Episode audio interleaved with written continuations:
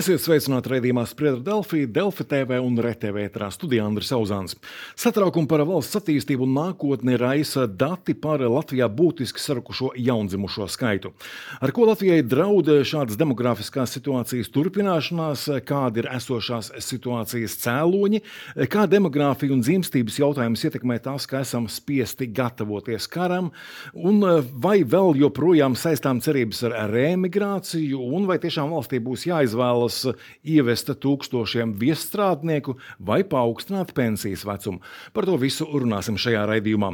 Šodien studijā Sēmas ilgspējīgas attīstības komisijas demogrāfijas, ģimeņu un bērnu lietu apakškomisijas sekretārs Gats Liepiņš. Sveicināti! Sveicināti. Un Sēmas ilgspējīgas attīstības komisijas priekšsēdētājs Uģis Mitrēvis, kurš pārstāv Nacionālo apvienību. Labdien! Labdien.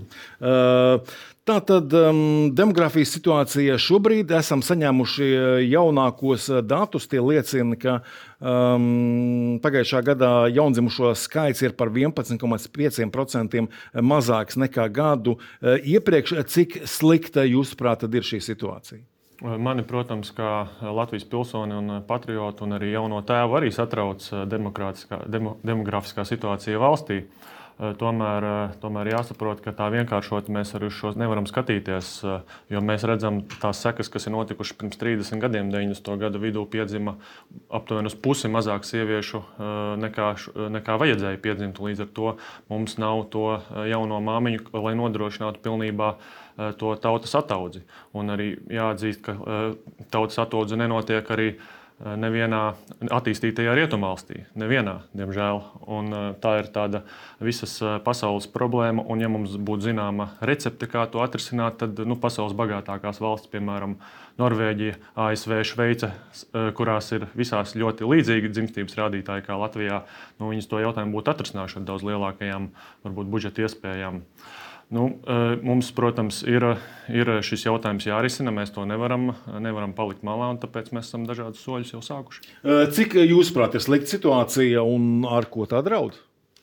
Nu, situācija ir ļoti slikta. Pēdējais, pēdējie dati, kas liecina, ka ir tiešām nedaudz 14,000 mazuļi nākuši pasaulē, vēl laikam līdz vasaras vidum vēl, vēl tiks pieskaitīti tie, kas ir ārvalstīs dzimuši. Tad tas nu, iespējams nosvārstīsies kaut kur pa pāris simtiem lielākajā varbūtībā ar tādu pieaugumu. Es teiktu, ka nu, neviens šādus skaidrs negaidīja. Un šādus faktu, šādu faktu tas nu ir skaidrs. Ne, neviena pesimistiskākā prognozētāja neprognozēja, ka mēs tik ātri sasniegsim 14,000 jaundzimušos. Un, un, um, nu, tas ir šoks. Tas ir šoks pie, pie, pie nu, tā nākotnes ilgspējas mm, izaicinājumiem. Nu, vienādā svarā noteikti kara draudi un, un uh, dzimstības, nedzimstības draudi ir vērtējami kā Latvijas ilgspējas vai kā satversmē ierakstīts uh, valsts, kas ir radīta, lai nācija pastāvētu un turpinātos. Šis ir nu, viens no lielākajiem apdraudējumiem. Uh, Liepiņkungs saka, ka situācija sliktā ne tikai pie mums, kā jums šķiet? Jā, bet es tā nekad neesmu skatījies. Nu, man iet slikti, bet nu, es jūtos labi, jo arī kaimiņam iet slikti. Nu, nu, tā nevar uz lietām skatīties. Jo ir pierādījumi, ka ir izdevies izmainīt šo peldējumu kaut arī ar to pašu daudzbērnu ģimenes politiku. Mēs skatāmies, ka Latvijā 3, 4 un pat 5 bērni uh, ir, ir pēdējos gados palielinājušies ģimenēs. Tas ir pierādījums tam, ka ar tādu uh, politiku, vai nu, es to saucu par impulsu, var izmainīt šo, šo peldējumu, jo tā var teikt. Eh, uz, uz sliktām beigām. Tādēļ es teiktu, ka nevar skatīties, ka Eiropā tas ir tā. Un, un, un, un mums ir jābūt līdzīgiem ar Eiropu. Tie paši manis jau pieminēti Igauni citā diskusijā. Tomēr viņiem šis kritums tiek prognozēts daudzkārt mazāks nekā Latvijā. Tas pats 50. gads, ja viena statistikas dati saka, ka Igaunijā nopaļojot, kā tagad man liekas, jāsaka, saka, ka Igaunijā būs līdzīgs iedzīvotāju skaits, tie 1,3 miljoni. Ar kritumu, kur tu savukārt Eurostats un dod, ka tie ir nosvērstās tajā miljonu ietvarā. Igauniem kritums ir 5, 7, 11%, kā nu kurš nu, teikt, pareģotājs saka. Tajā pašā laikā ASV pētniecības institūts saka, ka Igaunijā būs līdzīgs iedzīvotājs skaits. Tajā pašā laikā Latvijā tie vairs nav 5, 7, 11% varbūtībā, bet tie jau ir nu, pie 30%. Un tad teikt, nu, ja mēs gribam salīdzināties ar kaimiņiem, tad salīdzināmies ar labākajiem kaimiņiem, kuriem šī prognoze šķiet nu, krietni ilgspējīgāka valsts pastāvēšanai nekā Latvijā. Vai jūs prāt, ir korekts šis salīdzinājums ar Igauniem? Protams, mums būtu jā, jāmēģina vienmēr pielīdzināties labākajiem, nevis sliktākajiem. Tam es pilnīgi piekrītu. Tādēļ tādēļ arī mēs esam nofiksējuši šo situāciju, kura nav, protams, tik laba. Mēs redzam līdzīgu kritumu, pieņemsim, arī tajā pašā Lietuvā, kurai mēs varbūt arī negribam šobrīd līdzināties. Un, un mēs vēlētos, kā Igaunijā, tieši tādēļ mēs arī sākam dažādu pakalpojumu nu, kopumu pārskatīt. Piemēram, budžetā ir piešķirti 300 miljoni prioritātēm, kas ir droša vide, nu, par drošībai, kas ir ļoti svarīgi šobrīd Latvijas iedzīvotājiem. Izglītība, veselība tas arī viss bērniem ir domāts. Ja. Un, un, un, un otra lieta, mēs pārskatām jau uh, pabalstu sistēmu, kas nav 20 gadus pārskatīta. Gan kas ir, kur tā skaitā māmiņu algas, vecāku kopšanas pabalsts, kur tiks, piemēram, dubultots bērnu kopšanas pabalsts un arī māmiņu algas palielinātas. Un, un, un citi, eh, citi pasākumi. Un, un mums ir jauns uzstādījums eh, visām ministrijām un valsts pārvaldēji kopumā, ka ir eh, jāpārdomā, kā katrs lēmums ietekmē demogrāfiju, un visiem kopā ir uz šo te, jāiet. Nevis kā, kā bija līdz šim, ka viens kaut kāds tur ir atbildīgais, ja, un viņš kaut ko tur runā, bet neviens jau neklausās. Katrs dara savējo. Šobrīd visai valsts pārvaldēji kopā jāstrādā pie šī jautājuma. Vai varam uzskatīt, ka demogrāfijas un dzimstības jomas jautājumi ilgstoši nav tikuši risināti? Risināt. Nu, tieši tā, arī kā kolēģis pieminēja, ir labi, ka mēs kaut ko darām. Nu, tas tiešām ir ļoti labi. Un tomēr nu, eh, tā parasti nevar rīkoties, ja nav precīza plāna, eh, datos balstīt eh, redzējumu par, par problēmu, cēloņiem un risinājumiem. Tad mēs nevarēsim atskaitīties vai saprast, vai tie atsevišķie izrāvumi no palīdzības, ko mēs darām, ir devuši vajadzīgo rezultātu. To nevarēs izmērīt. Līdz ar to, kamēr mums nav strateģiska dokumenta, stratēģijas, kas par pilnu tvērumu pasaka, kas tad ir tās lietas, kas ir jādara, un to darot vai nedarot, tas ietekmēs vai neietekmēs, mēs ne tikai nevaram mērķiecīgi īstenot savu darbu, mēs arī nevarēsim pēc kaut kāda laika saņemt atskaiti, vai šis ieguldījums bija jēgpilns, un vai viņš ir jāturpina, piemēram, pēc pieciem gadiem, vai jāmet malā un jāņem cits atkal risinājums. Līdz ar to nu, šobrīd tāda. Nu, tāda Nu, neprecīza darbība mums var izrādīties valstī nu, nu, tā, ko mēs nevaram atļauties. Jo mums naudu vajag ļoti daudz, vis kaut kur citur, un visvairāk demogrāfijā, vai es teiktu, dzimstībā tomēr atdalot šīs divas uh, terminus. Un, un tādēļ es teiktu, ir labi, ka, ka mēs kaut ko darām. Tas iedod to impulsu ģimenēm. Jā, valsts taču ir gatava man palīdzēt. Redz, kur man valsts nāk pretī ar tādu pabalstu, ar vēl kaut ko, vēl kaut ko. Un tomēr teikt, ka tas ir mērķiecīgi un ka tas mūs glābs, es teiktu, ka nē. Bet uh, jūs, prāt, šobrīd tad, esam gatavi nezinu, rakstīt jaunu dokumentu, jaunu stratēģiju, risināt tiešām? Nu, es, es tieši tā arī piekrītu, ka ir, mēs nevaram atļauties eh, sporādiski rīkoties, eh, kaut ko izraut no konteksta, tagad pielikt tur, atņemt to un, un, un, un šādā veidā. Tādēļ mums ir tiešām nepieciešams eh, pilnvērtīga, pilnvērtīga stratēģija šajā jautājumā. Šobrīd ir uzdevums valsts pārvaldei līdz gada vidū nākt klajā ar pasākumu, pasākumu plānu, kas arī ietvers šo visu pabalstu sistēmas pārskatīšanu, kas ir viena šaura daļa no tā visa visa. Un, un, tā kā, tā kā tas, tas viss notiks, un, un mums ir jāiet ar to uz priekšu. Noteikti. Bet eh, nu, mums tā tad jau ir izstrādāta tautas ataudzes stratēģija. Nu, kas ar šo dokumentu tad šobrīd notiek? Vai tas ir ielikts plauktā, vai to kaut kādā veidā tomēr ņemam vērā? Es gribētu nedaudz oponēt kolēģim, ka mēs esam tiešām labi kolēģi. Eh, ka šobrīd tas plāns, kas ir tapis ar demogrāfisko lietu padomē, līdz gada vidum izstrādāt dokumentu, uh, Es neteiktu, ka tā ir tā grāmata, kas mums dos atbildes uz visiem jautājumiem. Es teiktu, ka nē. Tomēr demogrāfija tad, nu, tā vienkāršojot, ir dzimstība, mirstība, migrācija un, un, un dažādi, dažāda struktūras izmaiņas, vecums, dzimums un, un, un vispārējie dati. Līdz ar to mēs tāpat pēc šī pusgada būsim spiesti runāt atsevišķi par dzimstības stratēģiju, okay, par migrācijas stratēģiju, turpināt runāt, un arī to, kā samazināt mūsu. Nu, pāragrās nāves un to vidējo rādītāju, ka mūsu vidējais dzīves ilgums, ja nemaldos, bija 74 gadi, kas nu, nav gluži e, pirmajās rindās Eiropā ar, ar, ar, ar dzīvi ilgi. Līdz ar to es teiktu, ka jā, tas ir labi, ka šobrīd šis process notiek ar, un, un ir plāns līdz pusgadam darīt. Tomēr es teiktu, ka mēs nevaram kavēt šo pusgadu, lai mērķēti atdalītu vienu no demogrāfijas visbūtiskākajām tēmām un nerunātu atsevišķi par dzimstības stratēģiju. Tad kas tieši nav labi ar to dokumentu, kuram jābūt gatavam ne, pēc pusgada? Ne, tas dokuments ir labs. Tas pats ir tā kopumā. Tas pats ir kopumā dzimstība, mirstība, migrācija, cilvēka kapitāls, ekonomika, sociālais budžeta nodrošinājums, ilgtspēja. Tas iedos tādu bildi, nu, tas iedos bildi, ka viss ir slikti. Tas ir vairāk kā skaidrs. Un vēl sliktāk būs, ja kāds pēc tam teiks, Jā, bet dzimstībā mēs neko nevaram darīt. To mēs aizjūtosim ar migrāciju. Un tas atkal būs nu, sitiens pa mūsu nāciju, pa mūsu satversmi, pa mūsu ilgspēju un pa mūsu mērķiem. Līdz ar to Es teiktu, ka nav slikti, ka tas notiek, un tiešām visu cieņu Silīnas kundzei, ka beidzot tas ledus ir sakustējies.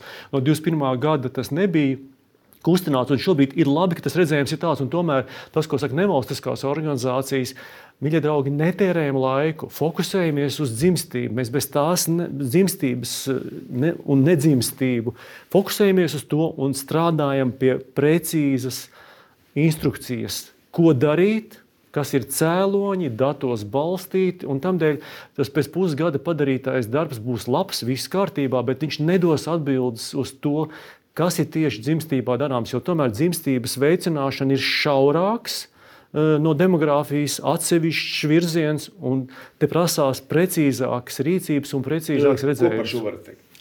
Eh, par, nu, vispirms par, to, eh, par šo tautas ataudzes stratēģiju, ko izstrādāja demogrāfijas centrs. Uh, protams, ka tur ir daudzas labas lietas, uh, bet šobrīd tam dokumentam nav juridiska spēka. Tādēļ, tādēļ šīs labās lietas tiks ņemtas uh, vērā, kas tur ir rakstīts šajā dokumentā, arī tālākajā izstrādē. Tad, uh, kādēļ tas dokuments vispār tika izstrādāts, ja tam nav juridiska spēka? Nu, man, ir, man, ir, man ir versija, es nezinu, vai es viņu vēlos tā, tā publiski paust.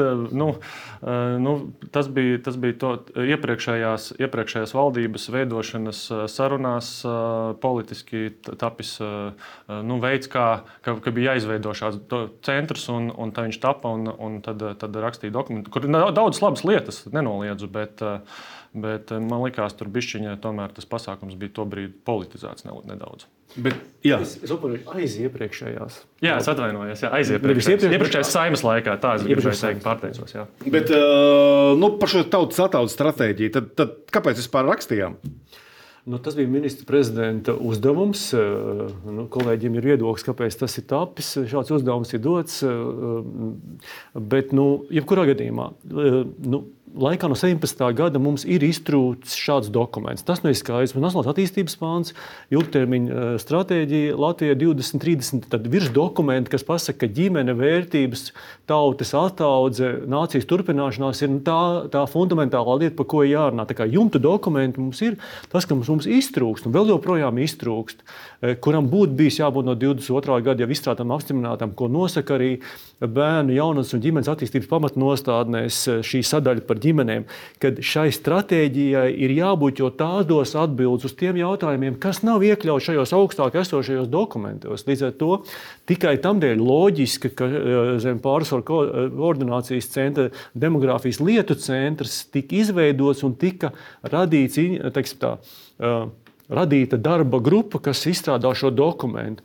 Labs, slikts, tas ir jāvērtē. Bet šobrīd jau nu, ir kaut kāds gads, vai pat divi nu jau drīz būs, ka šis dokuments vienkārši guļ plauktos. Jā, viņš ir norādīts apakškomisijā. deputātiem skatīšanā, kur arī daudz jautājumu ir, vai tiešām tas ir tā, jo arī divos gados pasaule ir ļoti izmainījusies. Ir arī vērtības ir izmainījušās pēc Covid, pēc kara sākuma, vērtību maiņa, daudz šīs ietekmējošās šī brīža lietas atkal jau ir jau šo izstrādāto dokumentu tautas attaudzes stratēģiju jau pamainījuši. Līdz ar to Šim dokumentam ir jāķerās klāt. Nevalstiskās organizācijas arī nav devušas savu, manuprāt, atzinumu visam, visiem resoriem, visiem iesaistītajām, tā skaitā 14 ministrijām, kam tagad dots uz, uzdevums izstrādāt demogrāfijas politikas uh, dokumentu. Ir jāskatās uz šo dokumentu kā tādu bāzes dokumentu, jo izlasot, tur tiešām ir daudzas labas lietas iekšā. Iespējams, par kaut ko var diskutēt, bet pamatā tur ir tas tvērums, kas parāda tos virzienus, kādos ir jāskatās uz dzimstības veicināšanu. Un tā nav tikai nauda. Runājot par jaunu stratēģiju, nu tad, tad nebūs tā, ka atkal pasaulē viss mainīsies, pēc diviem gadiem atkal noliksim plauktā. Ir Lasīsim, ka tajā ir daudzas labas lietas, bet spēkā nav. Nu, jā, piemēram, pēc diviem gadiem, ja mēs runājam, nu, 2020. gadā neviens neparedzēja, piemēram, ka Krievija uzsāks karu Ukrajinā, un mums ir grūti paredzēt, kā pasaule mainīsies. Bet nu, mums ir jāmēģina tikt tam laikam līdzi. Protams, vienmēr dzīve iet pa priekšu, un, un tas viss jāizdara. Ir. Kā demogrāfijas un dzimstības jautājumus vispār ir iespējams risināt? Ir pasaulē kādas nu, nezinu, atzītas un skaidri zināmas metodes. Nu, tad, tad, nu, īsti, droši vien jūs ka recepts nav, bet varbūt tomēr kaut kas ir. Tas, tas, ir tas, ko šis demogrāfija lietu centrs arī apkopoja šajā tautas attaudzes stratēģijā, šo pirmkārt jau pašu Latvijas redzējumu, tā skaitā mēģinot iepazīties ar to praksi, kas ir citviet pasaulē un ar pierādījumiem. Tāpat Vācijas piemēri, kas tiek pieminēti, kad kāds saka, nauda, ne, nauda nekādā veidā neietekmē mazuļu nākšanu pasaulē. Nu, nav tā.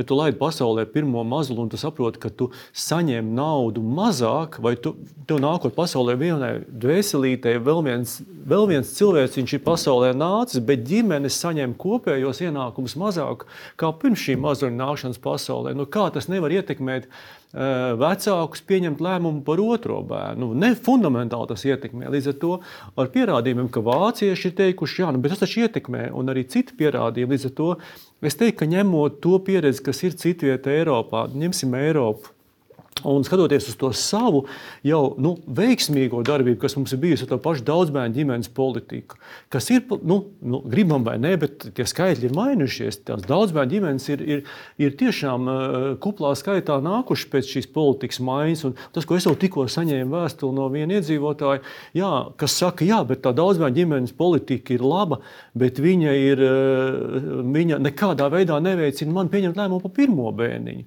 Līdz ar to, jā, taisnība viena bērna, divu bērnu uh, politika mums nav.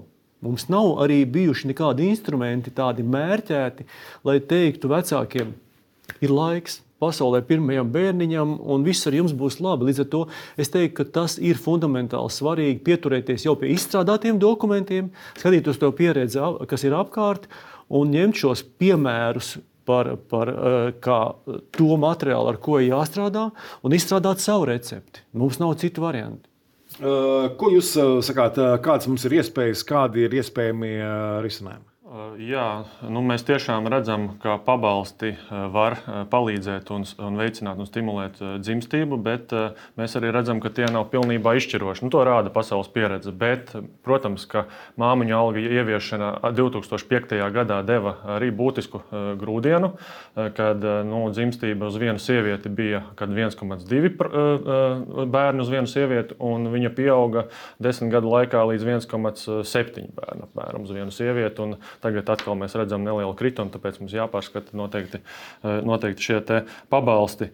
Un, eh, un, un noteikti mēs redzam arī, ka mums ir izmaiņas eh, Latvijas sabiedrības struktūrā kaut kādā mērā, jo ir arī labas un, labas un sliktas ziņas. Pirmkārt, pieauga laulībā dzimušo bērnu skaits pēdējo desmit gadu laikā, kad ir tas no 55% uz 62%. Ar ko tas varētu būt saistīts? Uh, labs jautājums. Es nemācīšu atbildēt, bet uh, nu, laikam cilvēki ir sapratuši, ka tomēr uh, tā drošība, ko nodrošina laulība, laulība ir, ir, ir vērā ņemama. Un pēdējos desmit gados arī stabili un vienmērīgi pieaug ģimeņu ar diviem un trīs bērniem īpatsvars. Ja. un daudz bērnu ģimeņu īpatsvars arī līdz ar to pieaug. Un mums, attiecīgi, mēs redzam, ka tajā pašā laikā nepieauga pirmais bērns. Nu, pirmo, par pirmo bērnu neizšķirās. Tur ir stipri individuāls izvēles, kāpēc cilvēki neizšķirās. Sākot no tā, ka viņi vienkārši negrib bērnus, un beidzot ar to, ka viņiem nav pieejama. Viņi neredz iespēju iegādāties mājokli, jo mēs redzam, ar, ar vidējiem ienākumiem Rīgas reģionā to ir izdarīt problemātiski. Tur ir, tur ir diezgan daudz problēmu. Es gribētu nedaudz par tiem pabalstiem teikt. Ar pabalstu, nu, šiem pabalstiem, kas ir bērnu kopšanas pabalsts, maternitātes pabalsts, neminēšu, bet bērnu kopšanas pabalsts, vecāku pabalsts un ģimenes valsts pabalsts. Nu, īstenībā katrā no šiem pabalstiem ir atrodams problēmas. Nu, nepārprotami. Uh, un pat vairāk, tu pat, es teiktu, ka ir trīs mīnus. Pirmais mīnus, ka šī pabalstu sistēma kopumā samazina šo divu cilvēku rocību nākot pasaulē trešajam. Tas ir, tas ir fundamentāli absurdi. Absurds, nepareizs. Tad, ja tu nelaidi pasaulē bērnu, tad tā ģimene e, blakus mājā dzīvo labāk, brauc ceļojumos, pērk e, daudz ko, to, ko nevar atļauties. Tā ģimene, kam ir bērns. Otrā lieta, šī pabalstu sistēma veicina to pašu mūsu vēl vienu problēmu, ar ko mēs cīnāmies e, - pelēko ekonomiku. Pilnīgi precīzi šobrīd vecāki izvēlās ieiet pelēkajā zonā, lai nezaudētu vecāku pabalstu, kurš tiek samazināts uz pusi, ja tas vecāks uh, strādā. Kas ir atkal absurds? Mēs ar, atkal ar vienu, ar vienu šādu uh, politiku veidojam ēnu no, ekonomiku. Plus vēl trešā lieta, mums šobrīd ir, ir problēma, mēs sakām, mums nav kas strādā.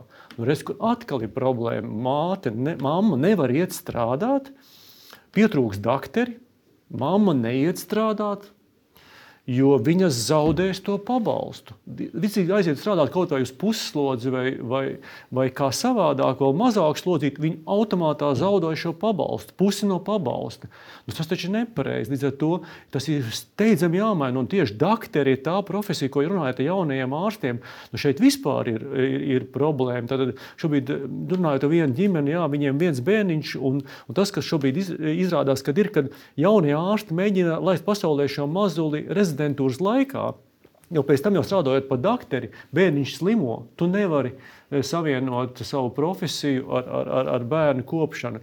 Tāpat arī šī pabalstu sistēma kropļojošā. Tāpat arī, ja tu laidi pasaulē divus vai trīs mazuļus, tad tev atkal tā pārstažēšanās atkal ir ik pa pieciem gadiem, kas ir doktoriem. Līdz ar to nu, te ir tas vesels kopums ar problēmām un blaknēm, kuras mēs varam novērst, ja mēs pieķeramies klāt tādai pareizai pabalstu sistēmai, ko arī nevalstiskās organizācijas saka.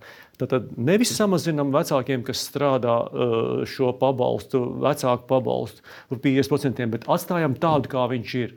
Uh, ko darām ar uh, pabalstu sistēmu? Jā, Mitrovics kungs arī izteica virkni labus, labus priekšlikumus. Tos arī šobrīd vēl gaidām, tāpēc, tāpēc droši vien arī Mitrovics izteiktie priekšlikumi noteikti tiks izskatīti, protams, atkarībā no budžeta iespējām.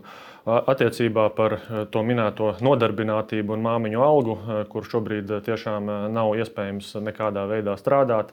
Labklājības ministrija ir apsolījusi to, ka šis tiek, tiks risināts un būs iespējams atgriezties darba tirgu. Būs lielāka elastība atgriezties darba tirgu, un, un tā, tā, tas jautājums noteikti sadzirdēts.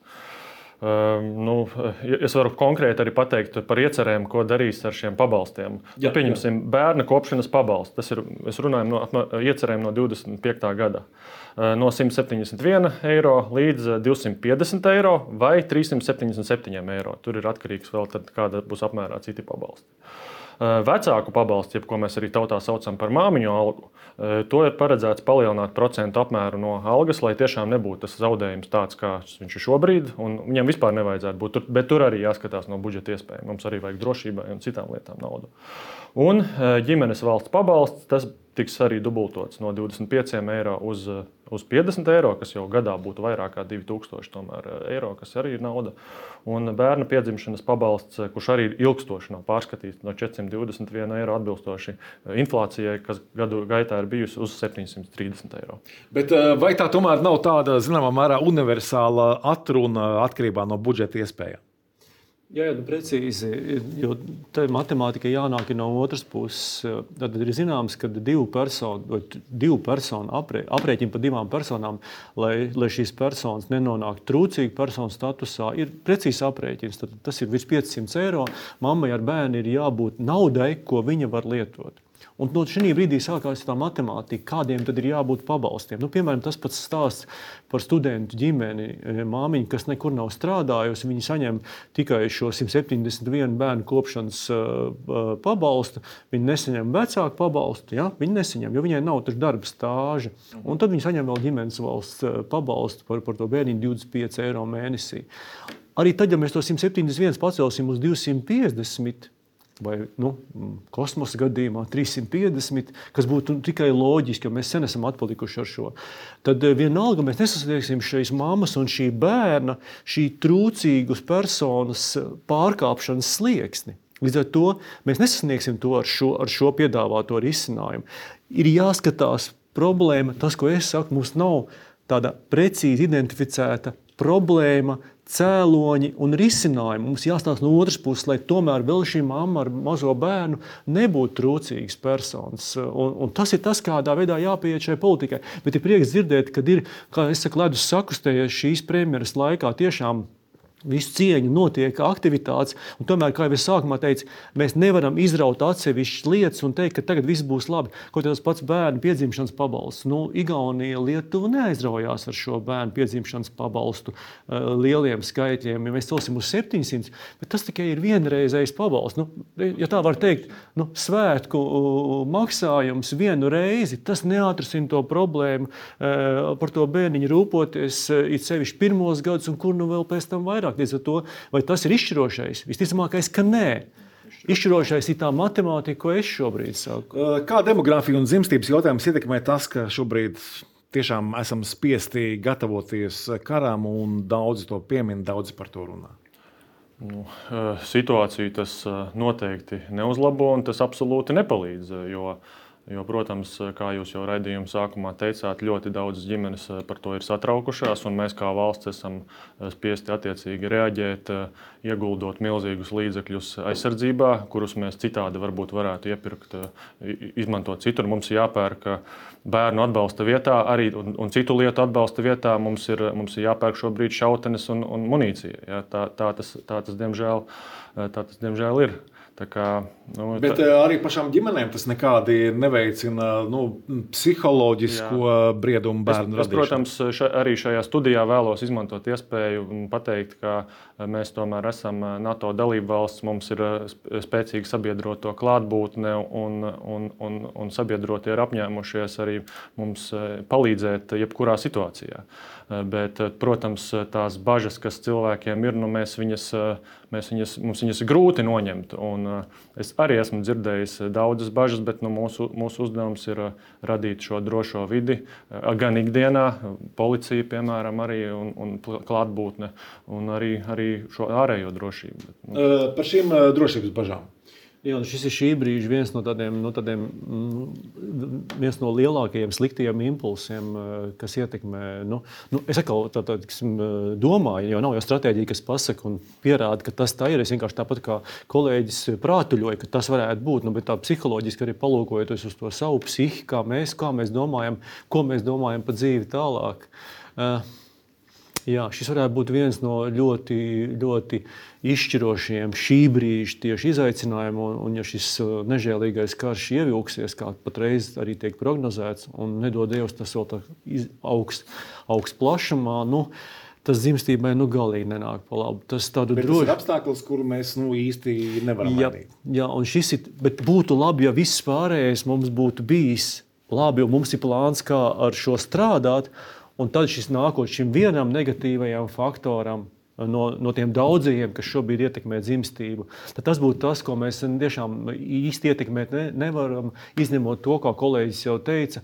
Eh, vēstījums eh, mūsu tautai, mūsu valstī par to, mēs esam drošībā vai neesam, un kā eh, stundā X mēs varēsim paļauties uz, uz mūsu aizsardzības spēkiem, katrs pats uz sevi un uz kopā visu, visu civilizēto pasauli. Līdz ar to nu, atkal tie laikam ir jāsaka tas pats kā dzimstības veicināšanā, iztrūks tāda vēstījuma par ģimeņu vērtībām, cik tas ir labi cik būt, ka tev ir ģimene un, un cik labi ir, ir tomēr, eh, ka, ka ir par tevi, kas rūpējās. Un, un tāds vēstījums, tāda ģimenes popularizēšana, bērnu popularizēšanas kampaņa varētu būt viena noteikta tēma, kas ir iztrūkusi šobrīd. Un tad noteikti šī drošības tēma, kur arī būtu nu, kaut kā jāpopularizē ja kāds ir gatavs teikt, ka mēs esam drošībā simtprocentīgi, tad tas būtu vēl viens noteikti jautājums, kas, kas, kas būtu darāms eh, kaut kādā veidā šo psihi pieminēto ietekmējot. Eh, vēl viens eh, būtisks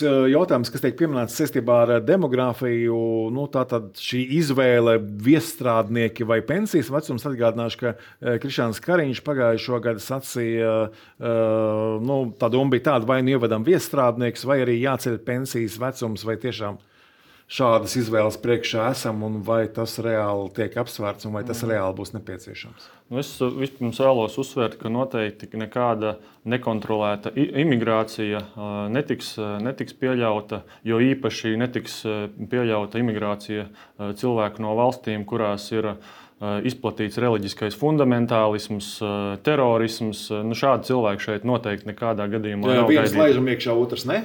Nu, noteikti šādi cilvēki nav gaidām no tām valstīm, kur ir izplatīta. Nu, mēs redzam Eiropas šobrīd eh, pieredzi, eh, ka no, no 70. un 80. gadiem, kad ir Eiropā sākās kritums eh, dzimstības, kas sākās agrāk nekā Latvijā, ka to viņi ir kompensējuši ar pieaugušu imigrāciju. Un atsevišķas valsts mēs redzam, jau viņiem ir grūtības menedžēt šo situāciju. Tādēļ mēs noteikti nevēlamies šādu situāciju šeit attiecībā par, par pensijām. Eh, nu, tas, eh, tas, manuprāt, eh, nu, ir tā, ka ne, nenozīmē, mums jāieved, jāieved imigranti un tad mums būs pensijas. Nē, tas to, tas to nenozīmē. Pensiju sistēma ir, ir pietiekami, pietiekami stabila. Bet jautājums paliek gan, cik mums būs tautsēmniecībā nodarbināto, kā mēs menedžēsim cilvēku kapitālu. Vai mums, piemēram, būs joprojām lielākā vīriešu mirstība, kad vīrieši tik ātri nomirs un, un, un nenodzīvos veselīgu mūžu. Nu, tas, tas ir jautājums. Un cik lielu pensijas no ienākumiem to daļu mēs varēsim atvēlēt pensijām. Bet to, ka pensijas nebūs, nu, tas ir uh, ļoti skaļš apgalvojums. Tā nebūs. Pensijas būs. Par šo uh, Kariņkunga noteikto izvēli, izteikto izvēli starp viestrādniekiem un pensijas vecumu. Ko jūs varat? Nu, neveiksmīgs komunikācijas piemērs. Vispirms, sakot, kad būs jāpaukstina pensionēšanās vecums, un pēc tam nākamajā jau iznācienā sakot, jā, bet uh, kāds jau neļauj teikt, eh, laist iekšā migrantus, un, un tāpēc, tāpēc eh, nekas cits neatliks kā, kā, kā celt pensijas vecumu. Es gribētu teikt, ka nu, šīs lietas nevajadzēja salikt kopā. Nu, tas nebija pareizs. Pareiz, valsts augstākās amatpersonas vēstījums, eh, viens no augstākām amatpersonām vēstījumiem. Līdz ar to es teiktu, ka tās nebija liekamas lietas kopā. Un, un tas, kas uztrauc šobrīd arī nevalstiskās organizācijas, un arī ilgspējīgas attīstības komisijā mēs par to diskutējām, ja, ja līdz vasaras vidum tiks izstrādāts šis, šis demogrāfijas politikas um, teikt, teikt, ziņojums, Vai tikai tā atbilde, ka, lai mēs noturētu to, to demogrāfiju vai to iedzīvotāju skaitu, kas Latvijā ir tas minimālais, lai mēs tomēr nodrošinātu šo pensiju sistēmu, jo es neteiktu, ka viņi ir tik stabili un droši pie šī brīža prognozēm, pie prognozēta iedzīvotāju skaita samazinājuma. Tas jautājums ir, vai, vai Vasaras vidū tomēr tās atbildes neslēpsies. Jā, mēs varēsim šī valsts pastāvēt ilgtermiņā, ja mēs kļūsim daudz atvērtāki migrācijas vilnim, kas tad būs tie, kas aizvietos uh, mūsu nepiedzimušos, mūsu uh, latviešu nepiedzimušos bērnus, un tā skaitā ienākot, uh, dodot savus darba rokas, un tā skaitā mēs redzam, ka pasaulē, Eiropā šīm ģimenēm ienākot šādās valstīs, arī šī bērnu dzimstība no šiem ienākušiem iebraucējiem ir stipri liela. Un šur tur jau Eiropā parādās fakti, ka 50% no bērniem Eh, kādā izglītības iestādē, pirmskolas izglītības iestādē jau ir ne tās eh, valsts pamatiedzīvotāji, bet atbraukušo iedzīvotāji, bērni, vai tas ir labi vai slikti, tas risina problēmu par to, ka šī ekonomika var pastāvēt un iedzīvotāju skaits nekrīt un sociālais budžets viss ir labi. Bet vai tas, vai tas nerada citas problēmas, ar kurām šobrīd cīnās šādas valsts? Es teiktu, ka tas ir lielais jautājums ar pierādījumiem, ka problēmas rodās. Līdz ar to Tas ir tas, ko mēs negribam sagaidīt, un es ceru, ka tā nebūs. Ka tiešām vasaras vidū mēs dzimstības no neiespējamo misiju kaut kāds tā sauc, aizvietosim ar migrācijas vilnu. Un tas ir tas, kam, kam šī valsts netika radīta. Kā izskatās, nebūs tā, ka aizvietosim šo ar migrācijas vilnu? Nu, nē, mums, mūsu uzstādījums ir vispirms sakārtot cilvēku kapitāla jautājumus. Mums ir viens no lielākajiem eh, novēršamiem nāvju gadījumiem eh, skaitam Eiropā. Mēs pēc statistikas esam viena no līderiem šajā ziņā. Tāpat arī mūža eh, ziņā nu, vīr, vīrieši dzīvo par 9 līdz 11 gadiem īsāku dzīvi nekā, nekā sievietes. Un tā ir lieta arī, kas tai skaitā ir jāsakārto. Bet attiecībā par mūsu valsts pastāvēšanas nākotni, tādu, viena tāda svarīga lieta, ko mums ziņoja valsts, valsts kancelē pasaulē mēs redzam, ka starp jaundzimušajiem 80% īpatsvars ir latviešu tautības, tautības bērniņi. Līdz ar, līdz ar to, ko mēs redzam no vienas puses, ka latvieši ir salīdzinoši motivētāki dzemdēt bērnus. Bet otra lieta, otra lieta, ko mēs redzam, ir salīdzinoši zemu motivāciju un arī vecuma struktūras nopietnas izmaiņas starp Latvijas minoritātēm. Jā, nu, tie jāatzīst, ka šim tematam turpināsim, protams, sekot līdzi arī turpmākajos Delfi TV raidījumos. Saku paldies raidījumu viesiem. Nākamais spriedara Delfi raidījums ēterā rīt. Tajā runāsim par Rīgas lidostas darbu un turpmāko attīstību. Šodien paldies, ka skatījāties uz tikšanos!